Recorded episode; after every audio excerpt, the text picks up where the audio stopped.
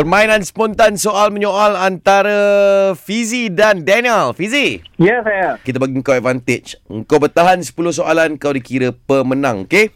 Okey. Situasi ni, Okey, situasinya dua orang yang uh, sedang buat rumah. okey, sedang bertukang. Kita nak buat rumah kat mana? Di mana batu batanya, Pak? Mana cangkul tadi?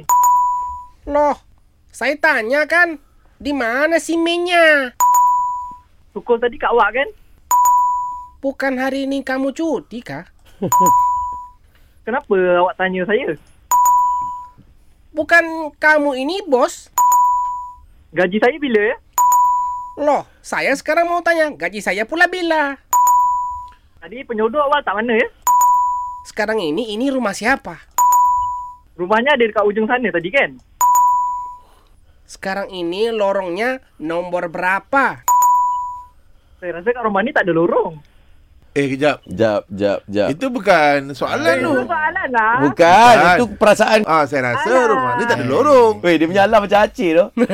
Alah! Kau panggil dia sampai dia sahut and then you win. Okey. You win suara acik tau. You win. Yang tu. Okey. ya. Martin Lawrence. Okey Daniel. Iya saya. Yoin.